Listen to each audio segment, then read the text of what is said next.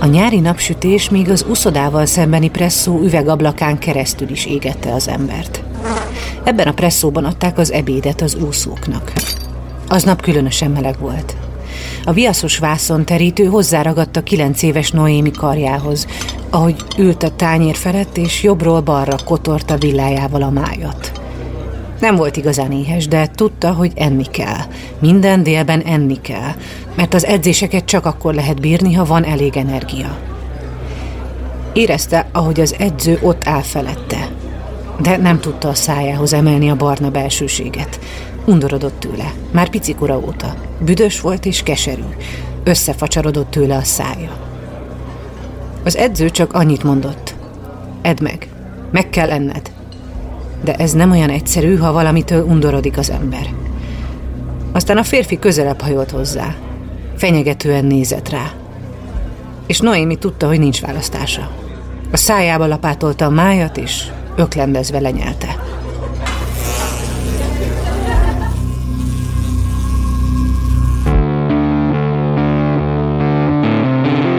Lovas Rozi vagyok. Ez az Egyszer Lent. Egy podcast azokról, akiknek hatalmas pofont adott az élet. Megjárták a gödör mélyét, de sokkal erősebben másztak ki belőle. Ha azt gondolod, mindennek vége, jussanak eszedbe ezek a történetek. Mindig lehet jobb, ha te is akarod.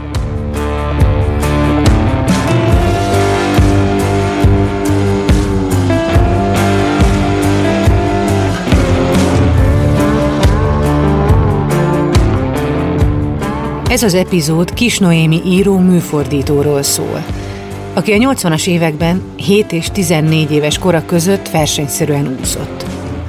És aki felnőtt korában egy könyv hatására nézett szembe azzal, hogy az uszodában testileg, lelkileg bántalmazták és megalázták őt.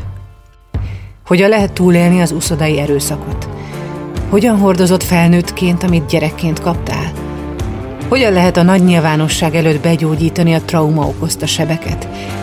És hogy engedi el versenysportolni a gyerekét az, aki átélt ilyen traumákat?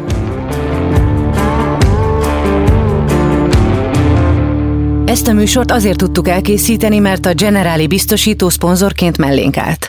Hallgassátok meg, miért fontos nekik, ami nekünk is. A leggyakrabban a semmiből jön az a bizonyos pofon, ami a padlóra küld. Elveszíted a munkád, a társad, vagy a saját egészséged mondja fel a szolgálatot. Ahányan vagyunk, annyiféleképpen vagyunk rosszul, és annyiféle támogatásra vágyunk. Mi a Generalinál abban hiszünk, hogy empátiával, személyes kapcsolattartással és rátszabott megoldásokkal úgy tudunk segíteni, ahogy neked a legjobb. Azért támogatjuk az Egyszer Lent podcastet, mert tudjuk, hogy ezek a történetek nem csak elgondolkodtatnak, hanem segítenek abban, hogy jobban odafigyeljünk egymásra, és ezzel megelőzhetjük a bajt vagy csökkenthetjük azok súlyosságát.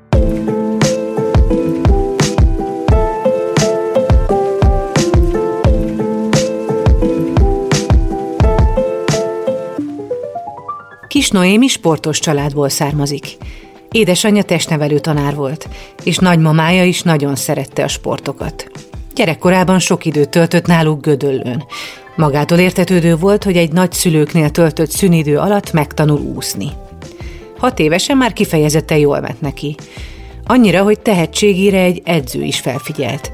Így az általános iskolát már sporttagozaton kezdte el. Noémi egyre jobban és lelkesebben úszott a budapesti Honvéd úszó szakosztályában. Ám ekkor történt az ominózus májas eset, ami után édesapja úgy döntött, máshol kell edzenie. Akkor Selmeci Attila volt a testnevelő tanára, aki az olimpiai bajnok Milák Kristóf egykori edzője is. Ő javasolta, hogy menjen át a budapesti Spartakuszba. Ott nem csak egy modern uszoda épül, hanem új edzésmódszerrel is fognak edzeni. A Spartakuszban Kis László volt a vezetőedző, a fiatal tehetségeket pedig Turi György edzette személyesen. Noémit és Egerszegi Krisztinát is. Noéminek a vasárnap kivételével minden napja ugyanolyan volt. Hétfőtől péntekig két, szombaton egy edzésre járt. De a lelkesedése nem csökkent. Akkoriban az úszásban úgy oszlott meg a versenyzőképzés, hogy a fiúkkal, főleg a Szécsi Tamás foglalkozott, ő neki ugye pápa volt a beceneve, nekünk meg volt a cár, aki, a Turi György, akit mi nem cárnak hívtuk, tehát cárnak szerintem a cselaciék hívták, mi uborkának hívtuk. Mindig kell neveket akasztani az edzőre, mert nem bírott ki az edzést. A szórakoztató gúnynevek azért kellettek, mert ami nyáron egy vidám úszóiskola volt, az hirtelen kőkemény robottá vált. Noémi minden nap fél ötkor kelt, hogy ötkor már a 13-as villamoson zötyögjön. Sötét volt, korom sötét. Állandó utitársai a közeli gyárba igyekvő munkások voltak, akik annyira együtt éreztek vele, hogyha véletlenül nem járt a villamos, bevitték a munkás busszal az uszodába, hogy ne késsen el. Ahogy a megállók jöttek egymás után, úgy darált a nevüket a vezető. A hangját eltorzította a mikrofon, és ezeknek a monoton hangoknak a ritmusát vette fel Noémi agya is. A kerekek csattogása, a fékek csikorgása, az ajtó nyílik, sípol, záródik. Ez ment a fejében. És ugyanilyen monoton nap állt előtte. Háromnegyed hatkor csobbanás, két órás edzés, rohanás suliba, hogy ott a bambulásban pihenje ki magát, majd utána újra két órás edzés, aztán haza, leckeírás, vacsora és hétkor már alvás. Biztos ilyenek a katonák, amikor háborúba mennek. Már el is gondoltam, meg ilyenek a, azok, akik nagyon kemény munkát végeznek a bányában. Az embernek van egy antropológiai alkalmazkodása, amikor nem tesz fel kérdéseket, és gyerek, és a tudatában csak a kötelességek jelennek meg. Noéminek azonban nem csak kötelesség volt az úszás. Fűtötte a versenyszellem. Annyira, hogy a fiúkat is beelőzte a medencében. Mindent a versenyeknek és az edzéseknek rendelt alá. De nem dönthetett mindenről. Egy nap a szülei az országos bajnokság felkészülési időszakában kikérték a Spartakuszból egy hétre, hogy elmenjenek egy előre lefoglalt nyaralásra a Szot üdülőbe. Az úszóknak a nyaralás amúgy is tiltó listán volt, de ebben az időszakban főben járó bűnnek számított. A 11 éves Noémi duzzogva elment. Minden nap edzett a Balatonban, de lemaradt a felkészülésben, és nagyon rosszul sikerült a versenye. Az egészért a szüleit hibáztatta. Mai napig is emlékszem rá, hogy nagyon-nagyon bántott, hogy a szüleim ennyire nem vették komolyan, hogy nekem edzésre kell járnom, és kikértek és elmentünk nyaralni az országos bajnokság előtt, amikor nem szabad elmenni nyaralni. Pontosan ki vannak számolva a napok, hogy mikor van a, az úszásban az állóképességfejlesztés, nagyon kemény edzések, hány nappal a verseny előtt lehet lazítani, ott milyen edzéseket kell, ez a, ez a magyar úszás módszer, ez ami világhíres, amit a Szécsi Tamás meg a Kis László találtak, hogy ciklusokban úszhatják az úszókat. Akkor haragudott rá, pedig pont édesapja volt az, aki megvédte őt, amikor két évvel korábban a Honvédban májjal tömték. De ez a negatív érzésem, ami a Honvédba kezdődött, az, az, az azért megmaradt, mert, mert biztos vagyok benne, és arra emlékszem is, hogy azért eléggé szorongtunk. Tehát uh-huh. a mhm. szorongás, az nekem, az nekem egy olyan élmény, ami a sporthoz kötődik. Tehát a sikerek, a versenyeredmény plusz a szorongás, ez mindig együtt volt. Tanulmányok szerint azokban a sportágakban, ahol az eredményekért sokat és monoton módon kell edzeni, az erőszak beleeszi magát a sportba. Ilyen a torna, az atlétika és az úszás is. A félelem pedig lassan teljesen úrrá lett rajta és a többi gyereken. Az úszoda egyet jelentett számára az ordítással. Ez különösen kegyetlen volt számára, mert családjában barátságos és jó volt a hangulat. Szülei még csak fel sem emelték a hangjukat. És az ordítás csak a kezdet volt. Utána jött a megszégyenítés, a verbális és a fizikai erőszak. Szerintem én nem tartoztam a, az igazán bántalmazott gyerekek közé. Az edző az mindig észreveszi, hogy ki az a, ezt úgy hívjuk ugye szlengben, hogy a verhető, meg ki az, aki úri gyerek, és nem, nem nyúlok hozzá, akinek ugye híres szülei vannak, ahhoz nem nyúlt. Volt a verhető, az elvált, a, a labilis, a pszichésen terhelt, vagy akinek az apukája kimondottan kérte, hogy nevelje meg a gyerekét. Ugye sok gyereket úgy visznek sportolni, hogy nagyon rendetlen vagy hiperaktív. Felagjanak belőle ember. Igen. De a verés a teljesítményhajszolás eszköze volt, nem a fegyelmezési. Gyerekfejjel nézte végig, ahogy társait az edző bevonszolja a WC-be és agyba főbe veri. mert nem úsztak elég gyorsan. Kezdetben, amikor beugrott a hideg vizes medencébe, hogy leúszza az előírt 4x200 métert, hogy ne unatkozzon a két órás edzés alatt, dudorászott, vagy fejben történeteket írt. Később már csak arra tudott figyelni, hogy mikor szól az edző sípja. Akkor jeges rémület fogta el. Érezte, ha nem tudta megúszni a szintidőt. És ezt hamarosan az egész uszoda meg fogja tudni. Amikor meghallotta a sípszót, kimászott a vízből, és edzője biccentéséből tudta, hogy békaügetésben kell végigmenni az uszodán. Megszégyenülten legugolt, és elkezdett ugrálni úgy, hogy kerülje a többiek tekintetét. Hogy ne nézzen senkinek a szemébe. Tudta, hogy tudják, most rosszul úszott. A lányoknak békaügetés járt, a fiúknak meg papucsal verés. Volt, aki nem bírta és elájult. Az a jó az uszodában, hogy ott lehet sírni, mert ott nem látszanak a könnyeid, meg minden tiszta víz, meg amúgy is tiszta piros volt mindig a szemünk a klórtól, mert úgy elklórozta a, az iszákos úszómester a vizet, tehát messziről bűzlött az uszoda. Itt titokba lehetett sírni, hogy legalább azzal nem szégyenülsz meg, hogy sírsz, és akkor még azt is látják a többiek. És arra is emlékszem, hogy a fiúk is nagyon sokat sírtak. És ez, ez az abszolút része volt az edzésnek, ez nem is volt kérdés, hogy, hogy a fájdalom az része. Noéminek a menzás emléken túl van még egy, ami örökké eszébe fog jutni, mikor beleszagul a klóros vízbe. Egy szárazföldi edzés után az edző leültette a fiúkat a tornaterem parkettjára. A lányoknak pedig fürdőruhában kellett felvonulniuk előttük, mint modelleknek a szépségversenye. A fiúk pontozták őket. A 13 éves lányok pedig akkor szembesültek azzal, mennyit is érnek nőként.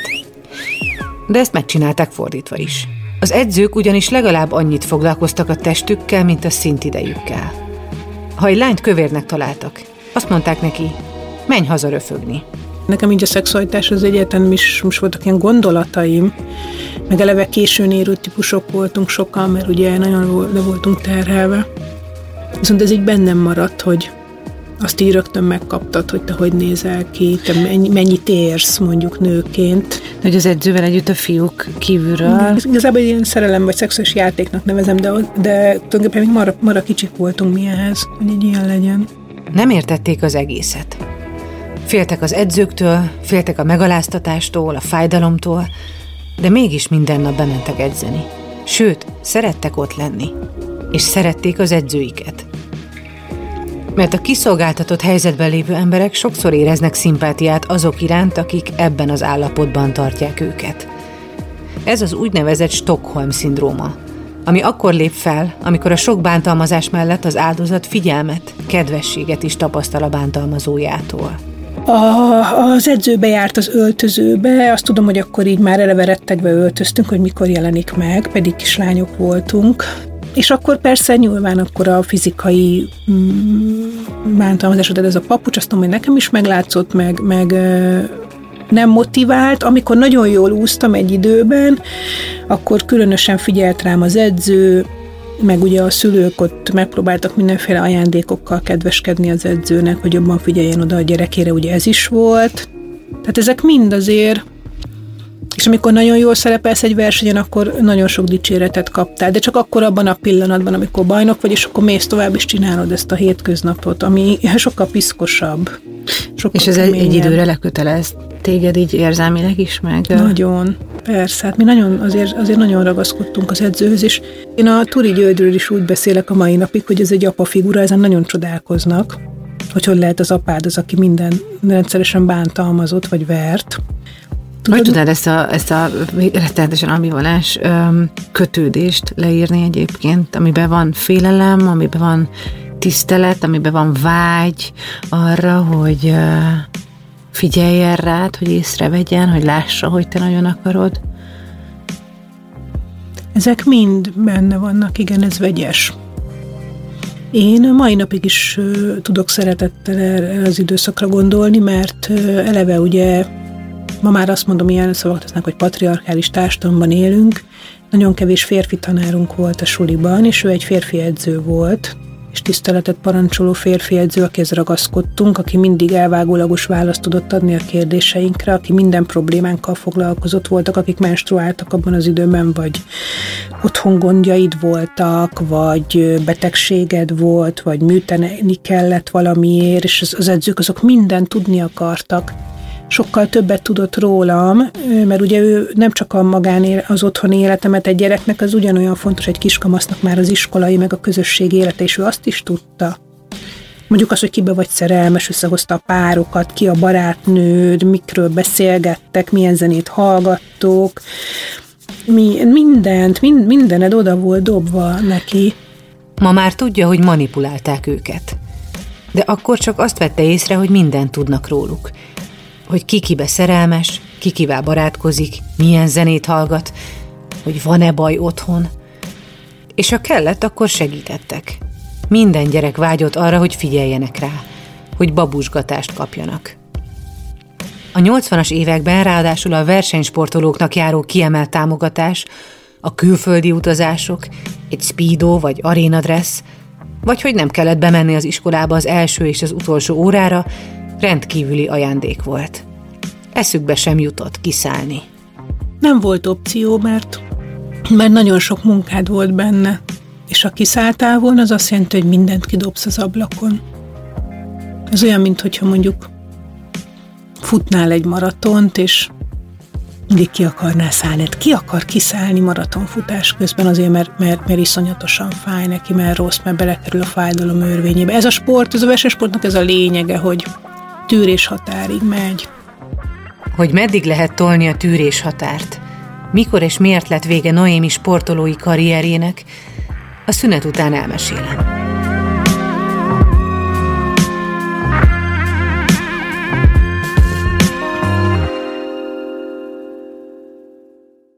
Mielőtt folytatódik ez az epizód, hallgassd meg a Beaton podcast ajánlóját.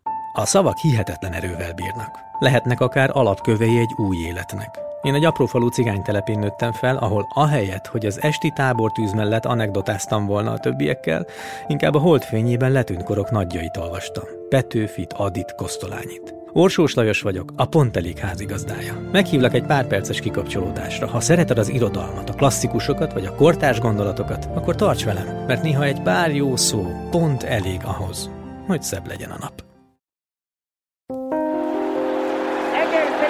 Krisztina olimpiai bajnok 200 méteres hátúszásban. 1988 őszén egy ország üvöltötte Egérke, azaz Egerszegi Krisztina nevét, aki 200 méter hátúszáson mindössze 14 évesen olimpiai bajnok lett. Noémi is vele örült.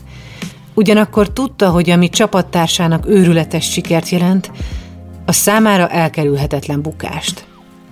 Az edző sorra hívta be a tanítványait szüleikkel együtt, hogy átbeszéljék a jövőt.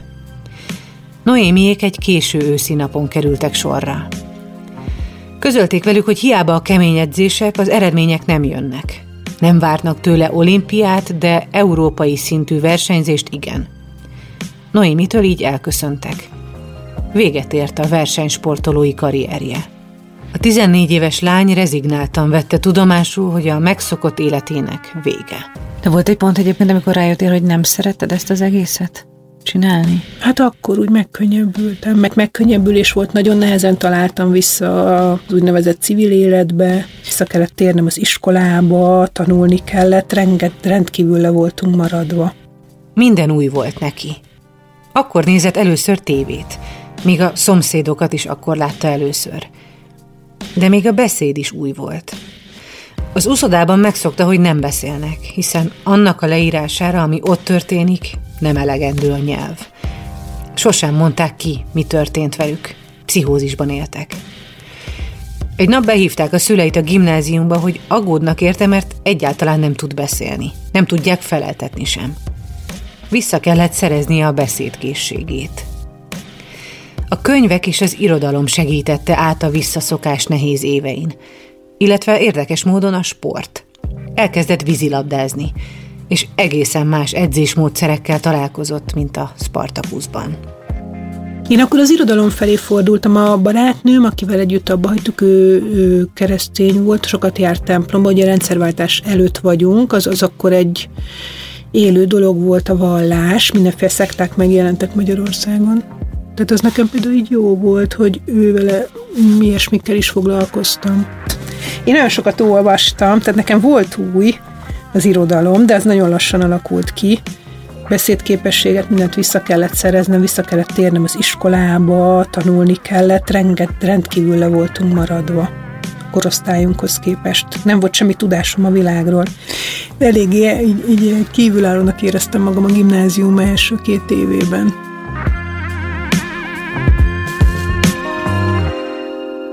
A gimnázium végére már teljesen átlagos életet élt. Első könyve 2006-ban jelent meg Trans címmel. Az úszásra viszont egyáltalán nem gondolt. Kínosan ügyelt arra, hogy ne menjen a Kőér utcai úszoda közelébe. Az ismerősei előtt is csak akkor fette fel versenysportolói múltját, ha rákérdeztek, hogy miért kommentálja ilyen szakértői szemmel a sportközvetítéseket. Aztán 2013-ban a Magyar Narancs szerkesztője a kezébe adta Szepesi Nikolett Én a szexmániás című könyvét, hogy olvassa el. Talán félig viccből kapta meg ezt a feladatot, kicsit ki is kérte magának. Sznobizmusa ugyanis nem igazán engedte, hogy bulvárkönyvekkel foglalkozzon, amikor ő verses köteteket és drámákat olvas és szemléz és akkor befaltam a könyvet, nem is bírtam letenni, mert minden szereplőjét ismertem a könyvnek, és minden úgy történt az én gyerekkoromban, mint ahogy ugye azért jóval később, tehát a rendszerváltás után a Szepesi Nikoletta, hogy meg nem a bulvár érdekelt abban a könyvben, hanem hogy egy viszonylag pontos diagnózist adott ar- arról, hogy milyen volt az uszodai közeg, az uszodai manipuláció, hogyan bántak velünk gyerekekkel, hogyan bárt a masszőr, milyen volt a tornaterem, milyen volt a hangulat az edzéseken, és akkor 25 évvel később, egy ikerpár édesanyjaként, több magyar és nemzetközi irodalmi díjjal a zsebében, végre ki tudta mondani, hogy az élete egyik rejtett, elfolytott időszakában nagyon is jelen volt az uszodai erőszak. Két óra alatt írta meg a cikket. Úgy érezte, hogy valaki kimondja az ő eltemetett gondolatait, hogy sorstársra lehet. Egyedül ő állt ki Szepesi mellett. Recenziója nagy visszhangot kapott.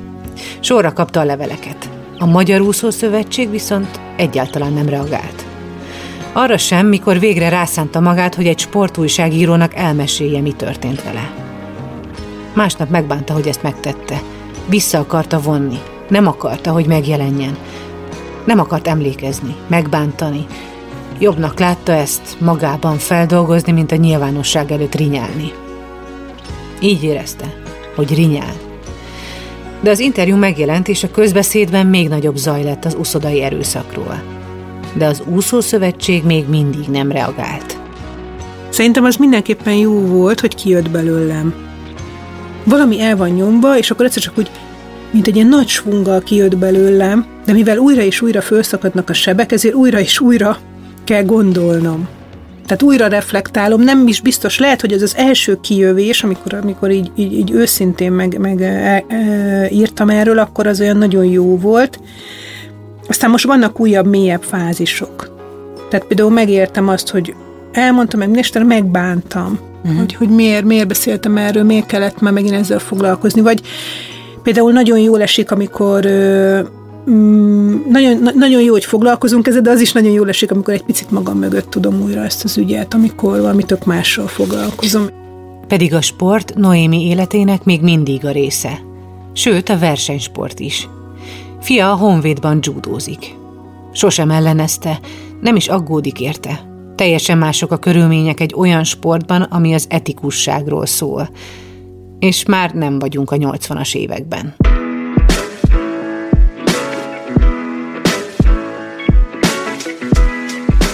Nem történhet meg a fiával az, ami vele, hiszen a szülőknek nem a bejáratnál kell elbúcsúzniuk a gyerekeiktől. Bemehetnek velük, végignézhetik az edzéseket. Nem egy zárt világban élnek, ahol a kislányokat és kisfiúkat lelkileg és testileg gyötörhetik, manipulálhatják. De a gyerekkorának emlékei még mindig vele vannak. Még anyaként is. Hiába küzdött ellene. Én nagyon vigyáztam arra, és ú, ez is nagyon kemény talán, hogy ne legyek bántalmazó. hogy én ne legyek olyan anya, aki megveri a gyerekét, mert nekem volt ilyenem, hogy, hogy én ebben nőttem fel, és én is ezt fogom csinálni. Voltak pillanatok a gyerekeimmel, amikor, amikor iszonyatosan önkontrollra volt szükségem, hogy ne üssek oda, sőt én azt is elismerem, hogy volt, amikor meglegyintettem mind a két gyerekemet, már nagyobbak voltak, és nagyon feszült voltam, és ketten voltak, és be voltunk zárva egy lakásba, külföldön voltunk egy fél évig a férjem munkája miatt. Nagyon egyedül is voltam abban az időszakban, és nagyon sajnálom ezt. Tehát én ezt, ezt én, én, én, én azonnal reflektáltam ezt. És, és, és nagyon tudatosan, nagyon olyan is volt, hogy kiabáltam a gyerekeimmel. Tehát én azért nagyon ebben nőttem fel. Nekem ez egy, ez egy eszköztár, a legvégső eszköztár ahhoz, hogy fegyelmezzek egy gyereket. Ahogy az úszóbotrányok a médiában, benne is ciklikusan szakították fel a sebeket, és olyankor Noémi mindig felszólalt. 2016-ban jött Kis László nemi erőszakügye, ami már egy kicsit megrengette a szakmai szövetséget – de a tisztító tűzre, ami a megnyugvást is elhozhatja, Cselászló visszavonulásáig kellett várni. Ő egy interjúban szintén beszél Turi György módszereiről. Kis Noémi és több egykori úszó pedig nem hagyták annyiban. Sorra mesélték el a történetüket, hogyan bántalmazták őket, hogyan tört félbe annyi lehetséges sportkarrier. És most az úszó szövetség is komolyan vette az úszókat. Vladár Sándor úszóelnök felállított egy öttagú bizottságot, akik minden egyes szereplőt meghallgattak. Noémit is behívták egy hűvös késő őszi napon. A Margit szigeti épület egyik tárgyalójában ültették le. Éreztették vele, hogy biztonságban van.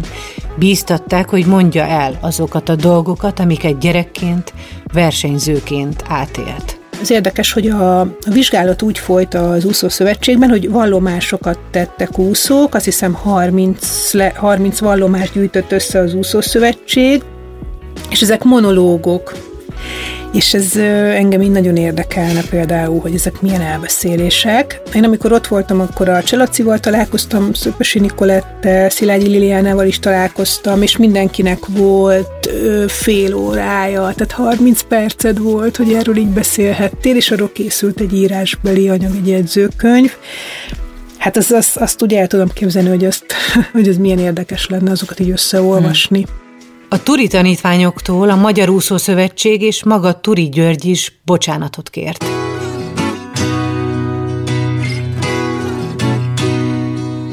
Az áldozatok meghallgatása után egy jelentés is készült, amiben megállapították, hogy a 80-as és 90-es években sok esetben a 2000-es évektől már elszórtabban, de rendszeresen jelen volt a testi fenyítés Turi György edzésmódszereiben.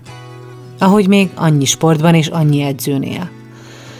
A 80-as években versenyző sportolók a mai napig lelki teherként cipelik a bántalmazásokat, és sokan még mindig nem dolgozták fel teljes mértékben azokat.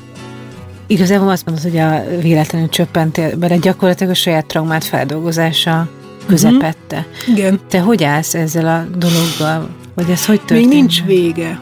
Még nincs vége, mert uh, tegnap is még keresett egy sportújságíró is. Még lesz ügy, és még azt is tudom, hogy lesz média, aki komoly ügyekkel fog foglalkozni, és ott is megkérdeztek engem, hogy mi a véleményem.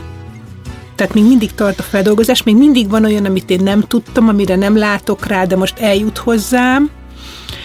Ezek mindig, mindig tartom. újabb és újabb Más edzők, igen, és más sportolók is fognak még beszélni erről. És ami nekem még, még a feldolgozás része lesz, hogy én is belépek ebbe a programjába a Magyar Úszó Szövetségnek, abba, hogy segítséget fogunk kapni, és csoportosan fel fogjuk tudni ezt dolgozni, és most már keresett a Danszkemese, meg a Bohus Rihárd, a Bohus Rihárd, aki egy úszó, és aki részt vett a bizottságban, és egy nagyon-nagyon pozitív élmény volt nekem a Bohus Rihárdával megismerkedés, meg a vele való telefonbeszélgetések. Szóval, hogy én el fogok járni erre a múltfeldolgozásos beszélgetés sorozatra, és igazából már nagyon várom, mert nagyon kíváncsi vagyok, és ez az úszószövetség felajánlotta minden olyan sportolónak, aki a 80-as években úszott Nagy kérdés, hogy mennyi idő alatt lehet feldolgozni egy gyerekkori bántalmazást. Az biztos, hogy a gyógyulás egy fontos mérföldköve, amikor már nincs bennünk harag, és képesek vagyunk kicsit távolabbról nézni a történetet. Nem is az a cél, hogy bárki ugye lincseljünk, meg más embereket kipécézünk, mint amit ma a közösségi média csinál, hanem egyszerűen arról van szó, hogy beszéljünk egy olyan ügyről, ami érinti az egész sportot, és ami be, én esetleg nekem csak annyi volt a közvetítő szerepem, hogy én voltam az, aki erről először így tudott beszélni. És az, hogy erről beszélünk, ez világszínvonal. Itt a Magyar Úszó Szövetség az első, az egyik első a világon, aki megcsinálta most azt, hogy felderít és, és, és bevon sportolókat, volt sportolókat úszásügy kiderítésbe, ahol nyíltan beszélünk ezekről semmiben nem vagyunk elmaradva, és én ezt nagyon védem. Én ezt nagyon tökre védem, mert, mert mert belülről láttam, meg belekerültem, és, és a gyógyulásnak, mert most itt erről beszélünk, hogy, hogy hogyan történik a gyógyulás, ennek részének tekintem ezt, hogy van erre egy e, esély, egy új nyelv, egy új intézmény, hogy erről lehet beszélni.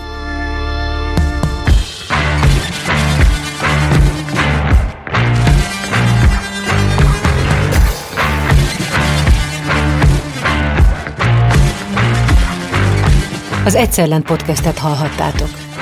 Azért indítottuk el ezt a műsort, hogy megmutassuk, minden veremből van kiút.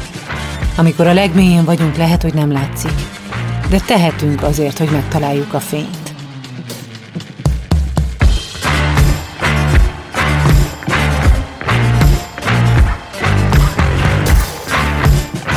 Az epizód szerkesztője Vadász Zsófi, a főszerkesztő Nejcer Anita, a szövegíró Horváth János Antal, a zene és utómunka szerkesztő Szűcs Dániel, a kreatív producer Román Balázs, a producer pedig Hampug Rihárd volt. Én most egy időre elbúcsúzom, mert születik a második kisgyermekem. Az új epizódokat ősztől hallhatjátok. Addig is hallgassátok meg a korábbi epizódokat, ha eddig még nem tettétek. Beaton Studio Vidd magaddal ezt a történetet. Ha van lehetőséget, kerüld el a bajt. Ha pedig már benne vagy, ne feledd, minden gödörből van kiút. Generali. Érted vagyunk.